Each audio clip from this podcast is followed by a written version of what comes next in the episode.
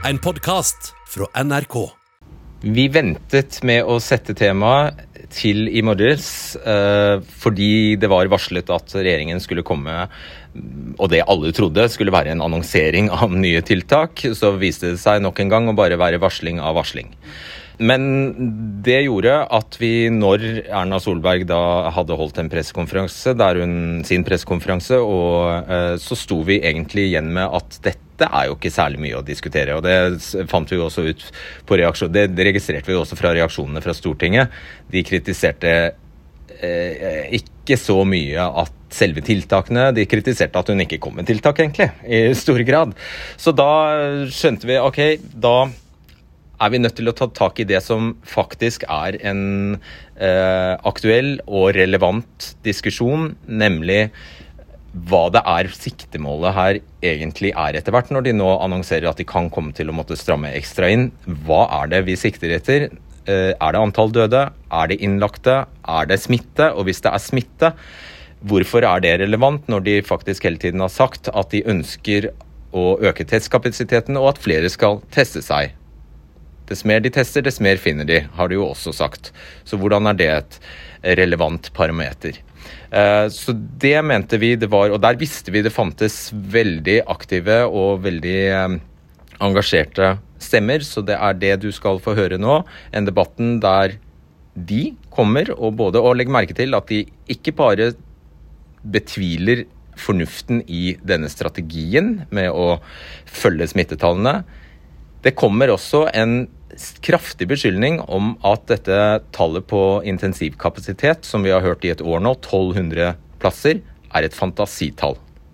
Hvis det stemmer, så har jo Da er det mange som har gjort seg skyldig i uh, ja, jeg tror jeg lar det være med det. Da, hvis det stemmer, så har vi en helt ny situasjon. Så uh, ja, vel bekomme.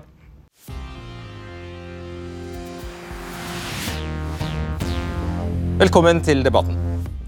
I kveld spør vi om det ikke er på tide at vi får vite hva målet med koronatiltakene er, før vi setter i gang med enda en hestekur, eller krafttak, som Erna Solberg kaller det. Er målet at færrest mulig skal dø? I så fall, det dør heldigvis veldig få nå, og de eldste og svakeste er vaksinert etter hvert. Er målet at få skal bli smittet? Ja, for i så fall var det vel ikke så veldig lurt å åpne opp skoler og fritidsaktiviteter?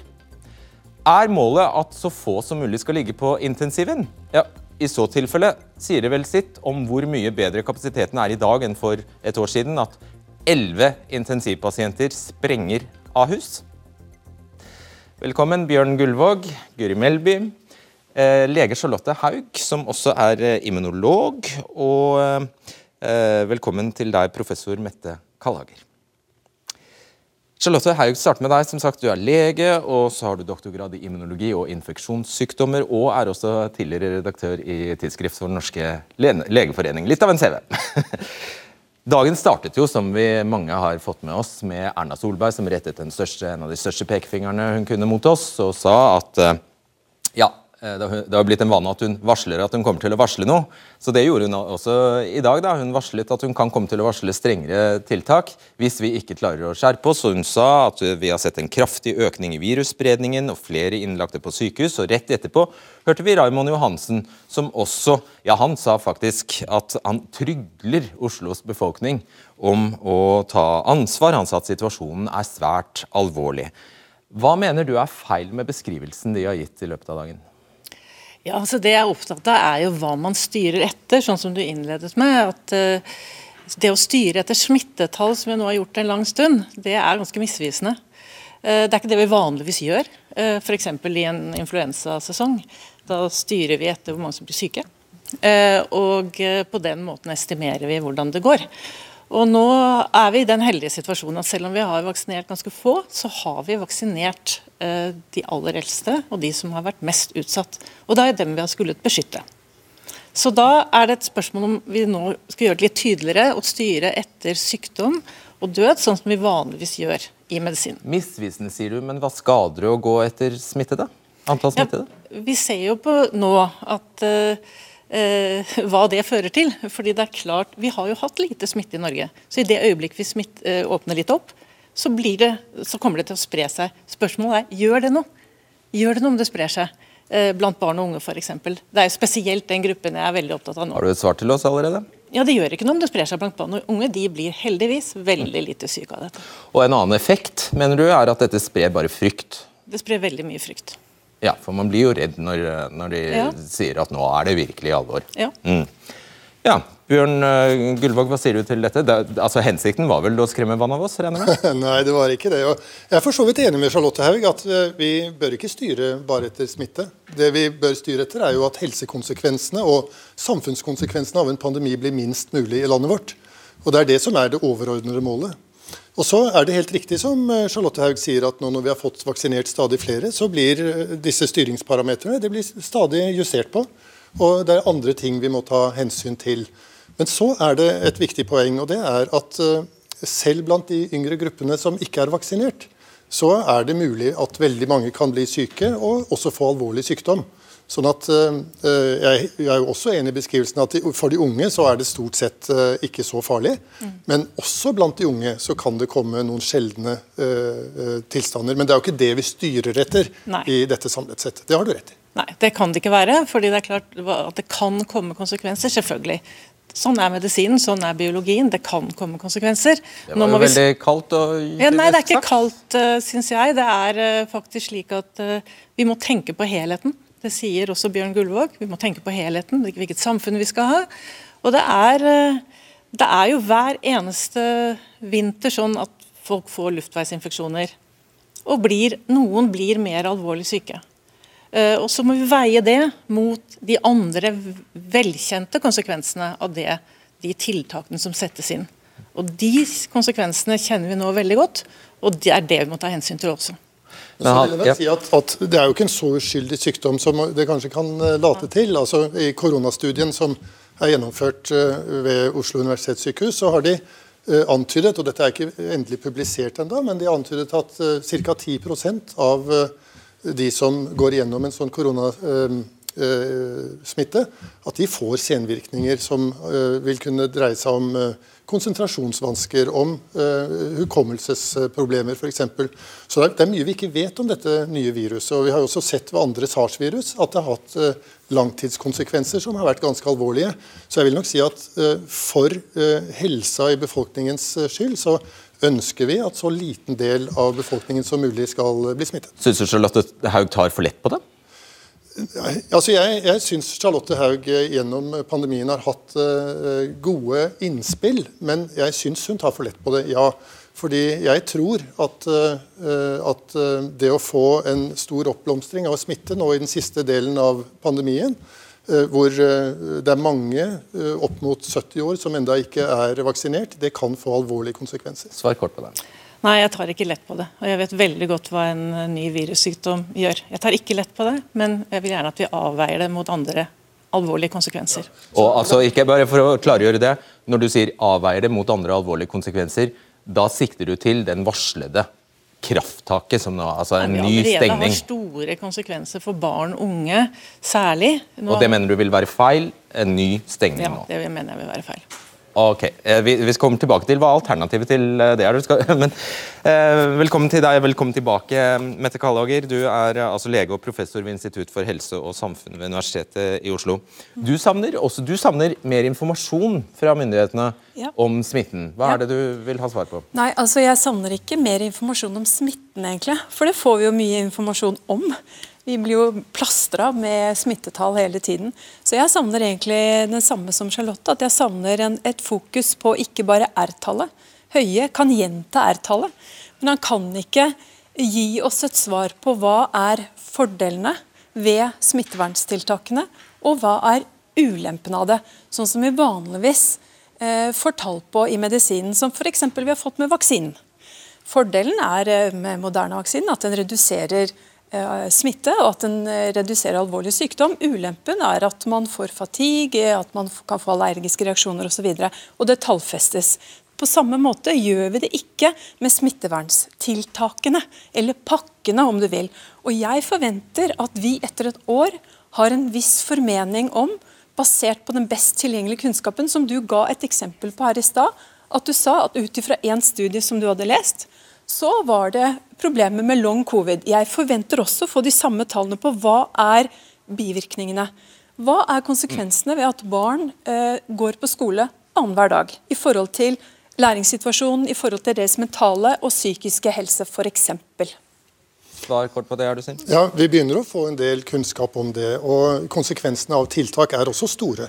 Slik at det er en vanskelig avveining uh, mellom tiltakene og, uh, og pandemien. Hun vil, hun, hun vil se den vurderingen, hun vil se den vurderingen, sånn at vi andre kan ta stilling ja. til om det er en rimelig Om dere faller ned på et rimelig standpunkt. Ja, men vi, vi, vi, drøfter og diskuterer det i ja, grunnlagene som vi Ja, men vi må se det, for vi er et demokratisk ja, det er, det er samfunn. så det betyr at jeg har, som forsker har, kan gå gjennom det. Det betyr at journalister ja, kan gå gjennom det. Vi har akkurat nå gitt regjeringen våre vurderinger, og der er det et eget eh, stort kapittel om barn og unge, hvor vi har drøftet disse tingene opp mot hverandre. Og så har du for så vidt rett i at det er ikke gjennomført uh, randomiserte kliniske studier på disse tiltakene osv. For vi har, ikke, vi har ikke den muligheten inni en pandemi. Men uh, vi gjør så godt vi kan og forsøker å bruke kunnskapsbasert uh, tilnærming i så stor utstrekning som vi bare kan. Nei, altså ikke legg ord i munnen på meg. Jeg forventer ikke at vi skal ha kunnskap fra randomiserte studier på alle tiltakene. Hva er det for noe randomiserte studier? Det er loddtrekningsforsøk, og det er på en måte den beste kunnskapsgrunnlaget vi har i medisinen. Det kan vi ikke ha for alle tingene. Det er jeg helt enig med deg om. Men vi må allikevel få denne avveininger. Fordeler mot ulemper stilles opp mot hverandre. Mm. Og det kan være en ekspertuttalelse, for den saks skyld, men det må være transparent hva dere mener. Vi greier å regne på R-tall. Det er ganske avansert statistikk og mange forutsetninger og antagelser som ligger i måten vi regner på det på. Hvorfor får vi ikke det samme når vi ser på når vi kan, med å sammenligne fordelene med ulempene? Det okay, er det vi krever. Du, du kjenner jo den, den, medisinske tilnærmingen og metoden. Yes. og uh, Vi jobber jo i en hel verden med disse tingene. Slik at vi får all den litteraturen som vi har fra utlandet, og som lages i Norge. Og vi bruker alt det vi kan. Ja, men så fint at vi okay, får det tallet. Fortsett etterpå, fordi vi må introdusere eh, kunnskapsministeren eh, her. Eh, Guri Melby, hele dagen har jo dere nå vært opptatt av at smitten øker veldig blant barn og unge. Svar kort på dette veldig enkle spørsmålet. Kom det virkelig overraskende?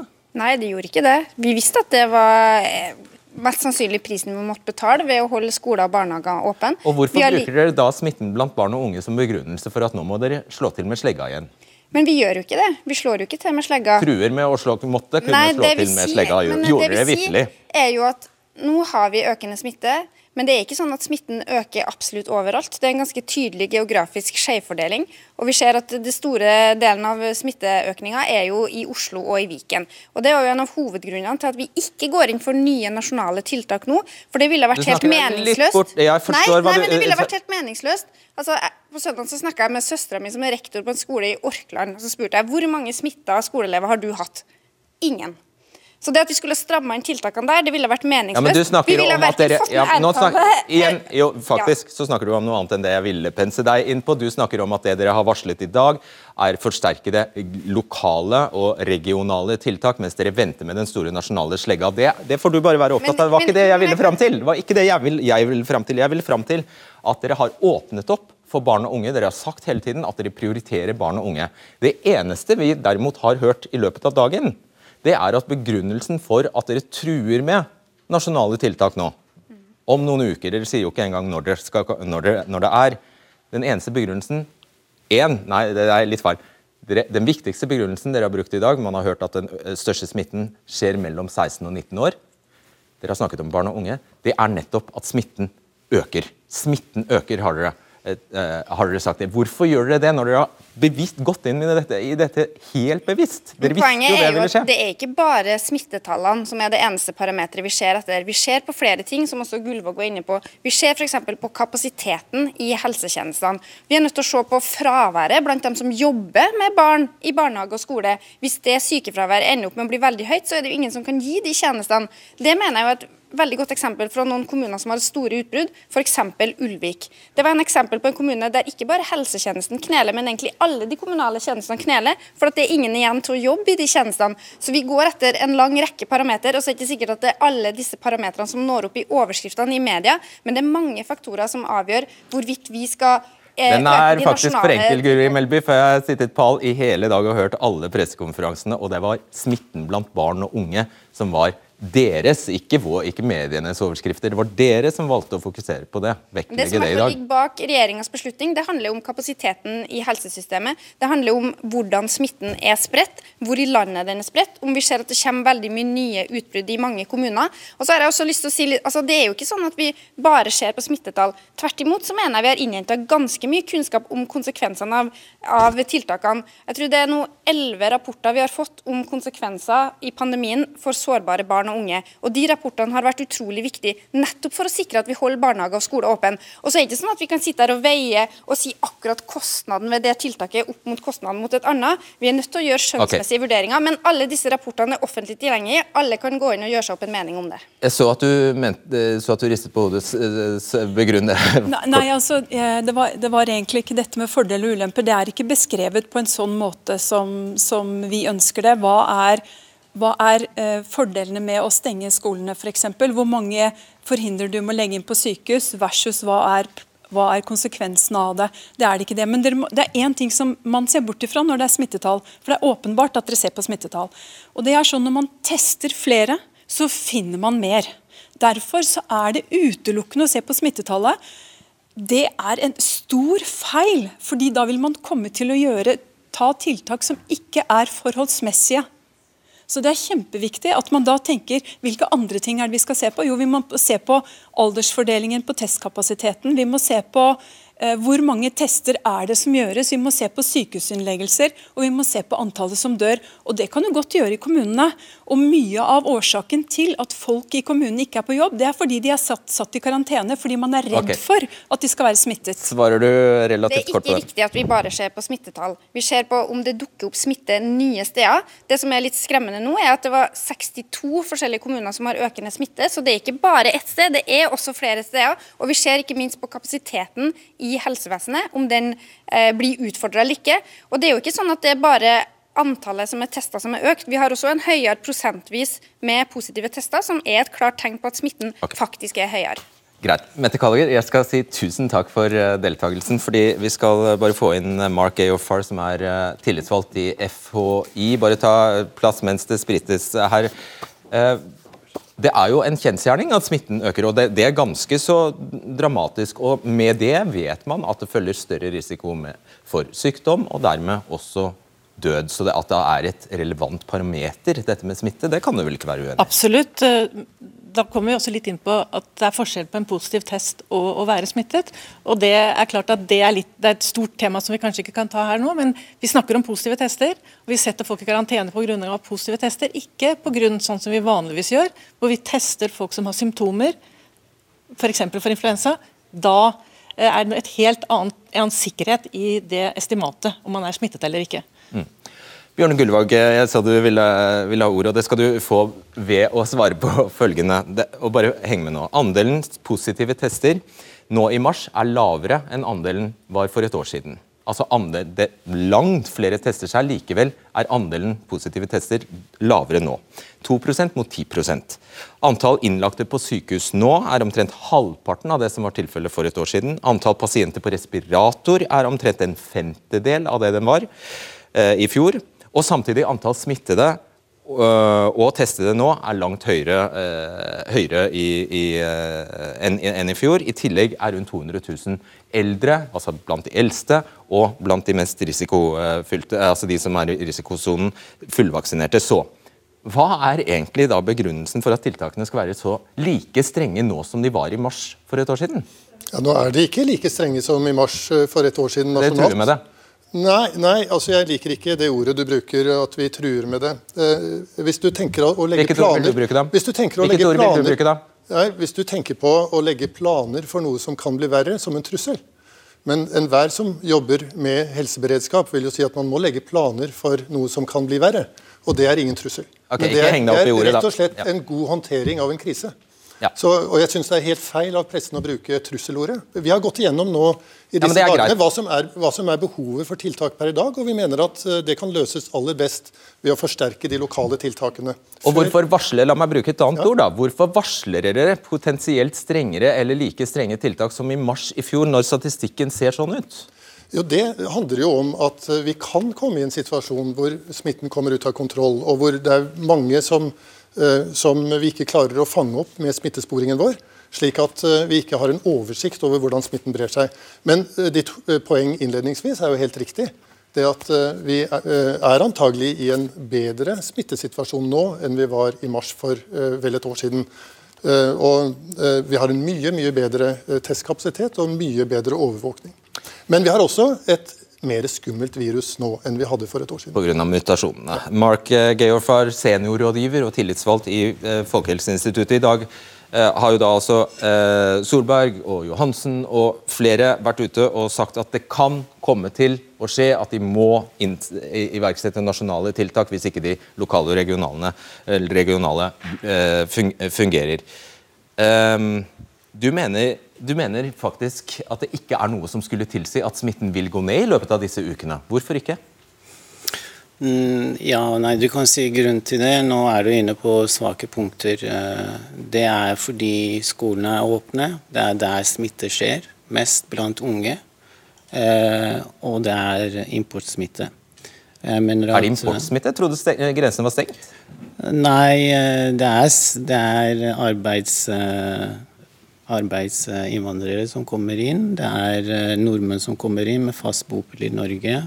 Og det er helsepersonell fra Sverige og Finland som kommer inn. Men jeg tror halvparten av de har fritak fra testing. Eh, og hvis jeg ikke tar feil, så er det ca.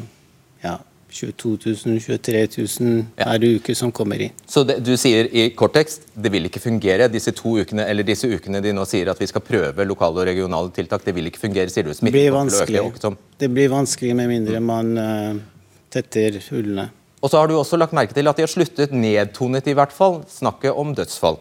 Mm, det er fordi det går ned for de dødsfallene. Antallet, mm. Heldigvis for det, takk og pris for, eh, for, det. Men hva vil du si det innebærer? Hva betyr det for deg, eller hva, hva tolker du inn uh, nei, grunnen til det er at uh, mange eldre er vaksinert. Uh, ja, vi vet årsakene, men jeg spør deg, hva, hva, hva, hvordan tolker du det, at de nå vektlegger dødsfall mindre? Nei, jeg tolker det slik at de, de, sier at grunnen til at de kanskje kommer med strengere tiltak, er rett og slett fordi det er sykehusinnleggelsene som er problem. Kapasiteten der er mangelvare. Og intensivplasser. Okay. Da har man gått bort fra dødstall, fordi det går ned. Så de har bare endret strategi? Ja, de i hvert fall vektlegger to av de tre mer enn før. Tilpasse kartet etter terrenget, liksom? Jeg skjønner poenget, men dødstallene går ned. Mm. Du skal få svare superkort på det før vi skal si takk. Eh, takk vi har ikke endra strategi. Det har hele veien vært en hel, helhetlig tilnærming. Det er ikke sånn at vi verken ser på bare dødsfall eller bare smittetall. Vi ser på helheten i det. Og så har jeg også lyst til å si, Vi har jo erfaring med at mange av de tiltakene som vi nå har foreslått at kanskje kan komme, at de funker. Da vi i november gikk over på rødt nivå på videregående skoler og på ungdomsskoler, så gikk jo smitten ned blant de unge. Da vi i januar nesten stengte helt ned og slutta å besøke hverandre, så gikk også smittetallene ned. Så erfaringa vår er at noen av de tiltakene som vi nå foreslår kanskje kan komme, de har faktisk en effekt. og Da mener jeg også at det er riktig å gjennomføre dem. Men vi må hele tida veie det opp mot den prisen det selvsagt eh, har. og Det er nettopp derfor vi også ikke gjør sånn som i mars ikke stenge skoler og barnehager, men holde dem åpne. Hjertelig takk skal du ha. og Det er for så vidt etter eget ønske at du skal slippe å diskutere nettopp det du er inne på, Geofaren, dette her med intensivkapasiteten og kapasiteten vår på sykehusene. Inn her på plassen til Melby kommer Jon Henrik Låke, som er overlege ved akuttklinikken på Rikshospitalet og Oslo universitetssykehus. Ja, eh, grunnen på den tittelen der, men jeg tror det er riktig. Og du er også leder i Norsk Anestesiologisk forening. Sant? Eh, velkommen til eh, deg. Ja, Spørsmålet nå er driver vi med disse evinnelige tiltakene egentlig fordi noen ikke har gjort jobben sin og økt kapasiteten på sykehusene? Er vi virkelig ikke bedre rustet nå enn vi var for et år siden?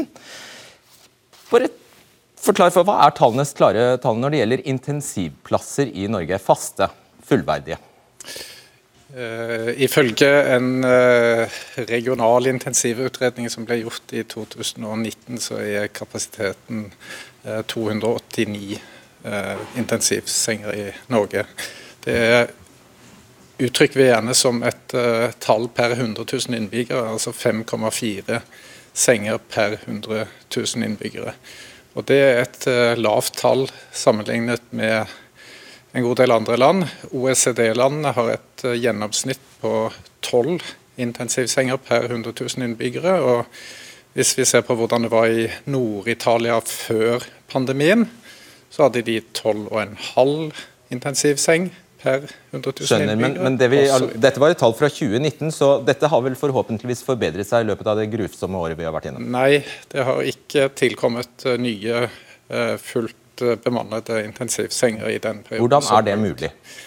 Ja, Det må du nesten spørre de som administrerer helsevesenet om. Men jeg tror nok at det er viktig å se på at kapasiteten var lav i utgangspunktet. Fordi man har rett hvis man sier at det er liksom ikke bare å stable en intensivseng på plass i full fart. Og Derfor så er vi nødt til å se på de unnlatelsessyndene som har blitt begått i mange år før pandemien. Ok, det, og dette, det er selvfølgelig du Gullvåg, som, som, blir uh, den myndigheten som får svare, svare, på alt dette her til slutt. Men bare, det hører jo med. Ok, så greit. De faste intensivplassene har ikke økt i antall. Det er sikkert mange som virkelig ikke skjønner det, men du sier at sånn er det nå en gang. Hva da med den ekstraordinære kapasiteten? altså den, den ekstrainnsatsen du og de andre akuttmottakene skal yte for at vi når opp i dette 1200-tallet som vi har blitt eh, fortalt det siste året? Ja, det er etter min oppfatning et fantasitall, og det tror jeg de fleste fagfolk på mitt nivå er enige om. Eh, man vil nok kunne klare å stable 1200 eh, pasienter inn i sykehusene, men å gi dem en fullverdig intensivbehandling, slik som vi kjenner det fra i vår og nå i vinter, hvor vi har hatt veldig gode resultater i norsk intensivmedisin, så, så er det utenkelig med en slik eh, økning. Hvorfor sier de det, da? Hvorfor sier Erna Solberg det senest i dag? Det er fordi at man har laget planer eh, basert på tilgjengelighet av eh, plass og utstyr og eh, en type nødbemanning som gjør at dette på papiret kan se tilforlatelig ut. Er det, vi... Du brukte ordet fantasi i sted. Er det, er det juks å si at vi har 1200 plasser? Det har aldri vært prøvd. Vi har aldri utført noen øvelser som gjør at eh, det kan sannsynliggjøres, annet enn på enkelte sykehus hvor man har gått igjennom slike scenarioer. Er det derfor du lar oss gå gjennom stengning på stengning på stengning? Fordi det, i, dag er det ca. 155 eh, innlagte på sykehus eh, i hele Norge. Er det pga. dette at dere faktisk ikke har Pga. covid, da, selvfølgelig. Er det pga. dette at dere, ikke, at dere heller foretrekker å la oss andre gjøre jobben? Uh, nei, det er ikke det. Men det er klart at uh, den intensivkapasiteten vi har, den skal jo også hjelpe andre pasienter som trenger intensivbehandling. Sånn at hvis du får veldig mange covid-pasienter som trenger intensivbehandling, så fortrenger du nødvendigvis andre typer tjenester. Og så er det jo sånn som Låke sier, at antallet intensivplasser har ikke endret seg gjennom pandemien. Men nå skal jo fagmiljøene og vi og de regionale helseforetakene gå gjennom og se på hvilket nivå vi bør ligge på i Norge. Så og det alle lurer på, Dag Ulvåg, er Hvordan er det mulig i løpet og ikke at det tallet der ikke har vokst? Det, det, det ville vært helt uhensiktsmessig å skalere opp antallet intensivplasser i dette året, for vi har jo faktisk ikke uh, den ekspertisen på plass. Vi har ikke utdannet intensivsykepleiere som vi kan sette inn i disse jobbene. Derfor så har vi uh, tilleggsutdannet 3000 sykepleiere som kan være assistenter til de gode intensivsykepleierne vi har. Og så vil jeg også si Det at eh, det er vanskelig å sammenligne på tvers av land. fordi at uh, intensiv uh, er ikke det samme fra land til land. Du har intermediæravdelinger, vi har postoperative avdelinger, vi har medisinske overvåkningsplasser. Så Det er en hel rekke ulike uh, avdelingstyper som uh, i noen land ville karakteriseres under intensiv. Men jeg, jeg er helt uh, enig med Låke i at vi skal gå gjennom dette og se på hva slags kapasitet vi har behov for. Det er slik at Land som har veldig stor intensivkapasitet, de har nødvendigvis et annet type pasient eller klientell som ligger i sengene i intensivavdelingene. Har du veldig god plass, så kan du tillate at det ligger pasienter som ikke har like store behov som det som skal til for at du kommer inn i en norsk intensivavdeling med, med uh, alvorlig sykdom. Men uh, disse avdelingene som uh, Gullvåg refererer til, de har muligheten til å behandle eh, pasienter med veldig alvorlige behov. Og Det er det vi mangler i Norge. Det er der vi ligger nede på et veldig skint nivå. Eh, når Ahus eh, kneler pga. 11 eh, covid-pasienter, så går jo ikke dette først og fremst utover covid-pasientene. Det går utover alle mulige andre pasienter. Og vi hører om Jeg vil bare si at De gjør jo ikke det, de kneler jo ikke. Dette er en del av det opplegget som man har laget med en trinnvis eskalering. De har, trinn, de har, nå gått til første trinn, utvidet med syv intensivplasser. Men før de går til andre trinn, som ville bety fortrengsel av andre pasienter i sykehuset, de som trenger elektiv behandling, så har de samarbeidsavtale med Oslo universitetssykehus som har 75 intensivplasser. Eh, sykehuset har vært eh, nødt til å gjennomføre omfattende strykninger av operasjonsprogrammet de siste to ukene.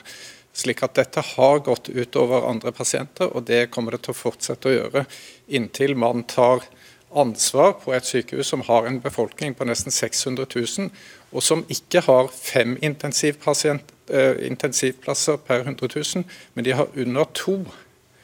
Så Ahus er et ytterpunkt i denne faunaen i Norge, med veldig dårlig intensivkapasitet. Du nikker, Charlotte Haug. Ja, nei, Jeg er helt enig med Låke her. og Det er jo et spørsmål, det er jo ikke en overraskende situasjon at man får eh, behov for intensivplasser i forbindelse med en pandemi. Det står jo f.eks. i pandemiplanen, norske pandemiplanen. Det er helt korrekt at vi har veldig få plasser i utgangspunktet. og Når man snakker om at det blir overbelastning, så er jo det et spørsmål om belastningen i utgangspunktet. Eh, er det, det er nesten fullt på norske intensivavdelinger hele tiden da skal det ikke mye til at det blir for mange. Dette er et planleggings- og beredskapsspørsmål, og det er ganske overraskende. Og Det kan man jo ikke klandre en, en sittende regjering for at de i løpet av ett år ikke greier å hurtigutdanne eh, intensivsykepleiere som tar tre år? Nei, det kan, det kan man ikke. Men, men, en del av å ha beredskap er nettopp for en pandemi er nettopp å ha beredskap på intensivavdelinger, og det har vi ikke hatt. Og dette er jeg for så vidt helt enig i. Altså, vi har behov for å gå gjennom uh, intensivkapasiteten vår. og Det skal vi gjøre i ro og fred. men vi kan ikke, uh, vi kan ikke øke uh, den regulære intensivkapasiteten når vi ikke har kompetanse til de stillingene som ja, der vet jeg du skal, fordi Du har noe å utsette på den kompetansen til disse som tar det kurset? Ja, For det første så tror jeg at hvis man hadde satt i gang med utdanning, ikke bare av intensivsykepleiere, men av anestesileger, Eh, da pandemien var et eh, faktum, så ville jo de allerede nå hatt eh, mange måneder utdanning bak seg, og også praksis. Så de ville ha vært et verdifullt tilskudd. Det man altså har gjort, det er å utdanne sykepleiere uten intensivmedisinsk bakgrunn, med kurs på to til tre uker, for at de skal kunne være til hjelp i intensivavdelingene. Problemet med det, det er at man får en type personell som har en eh, form for minimumskunnskap, og som kan risikere å bli stående med svært syke pasienter.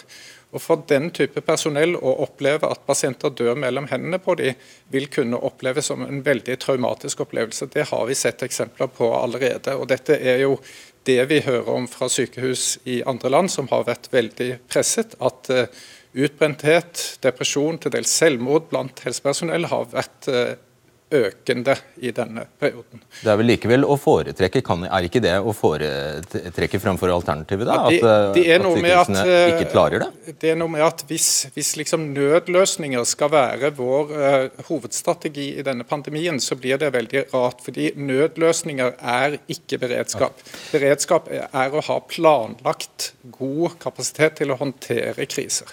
Danmark, for, altså du har hengt deg opp i at uh, myndighetene, regjeringen, har sagt uh, de, har, de, har, skremt oss veldig med at uh, smitten kunne 50-dobles om innen noen uker.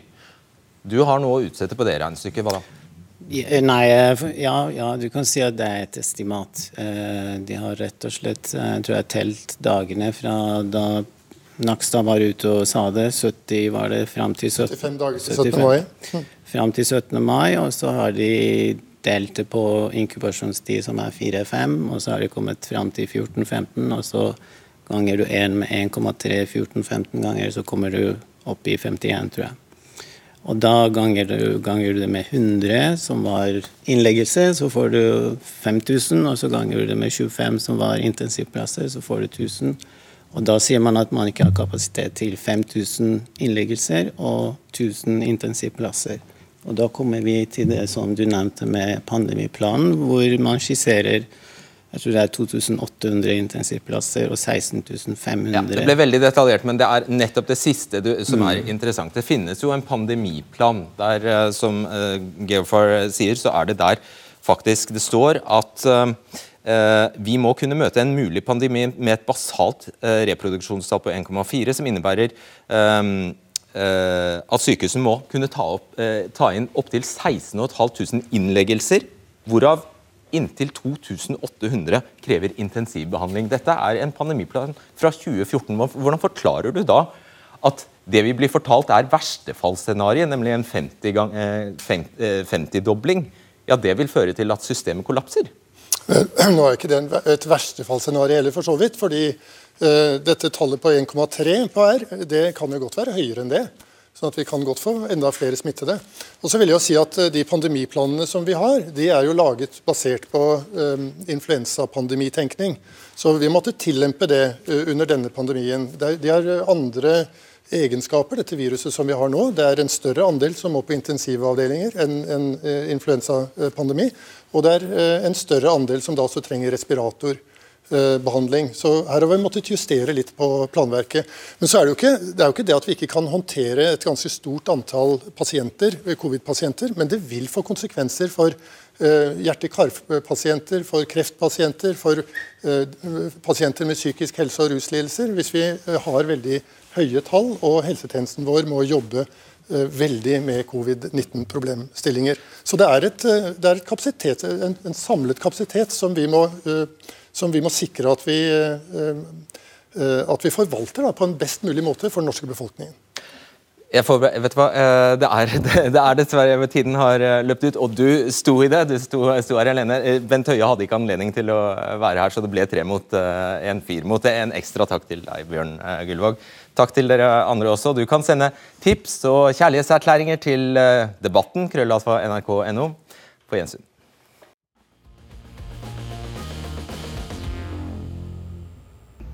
Jeg tror jeg bare skal eh, avrunde her med å utdype det Mark Aofar uh, uh, sa. Han fikk litt dårlig tid på slutten her, men det viktigste han påpekte, var at det er stor, stor eh, kontrast mellom det som er den planlagte, altså det man for ja, hva blir det, seks, sju år siden i pandemiplanen konstaterte ville være den adekvate kapasiteten, beredskapen, Eh, og den situasjonen vi faktisk står i. Og at man da her, at det er noen som har forsømt seg, det var jo selvfølgelig eh, poenget hans. Og så er jeg nok en gang kan bare gjenta at eh, vi er takknemlige for at Bjørn Gullvåg stiller opp mot den, hele den gjengen vi hadde satt, uh, satt opp mot uh, han. Men så er han da myndighet, da. Han er jo helsedirektør, så jeg tror han tålte det bra. Ok, vi høres på torsdag igjen. Ha det bra. Du har hørt en podkast fra NRK. Hør flere podkaster og din favorittkanal i appen NRK Radio.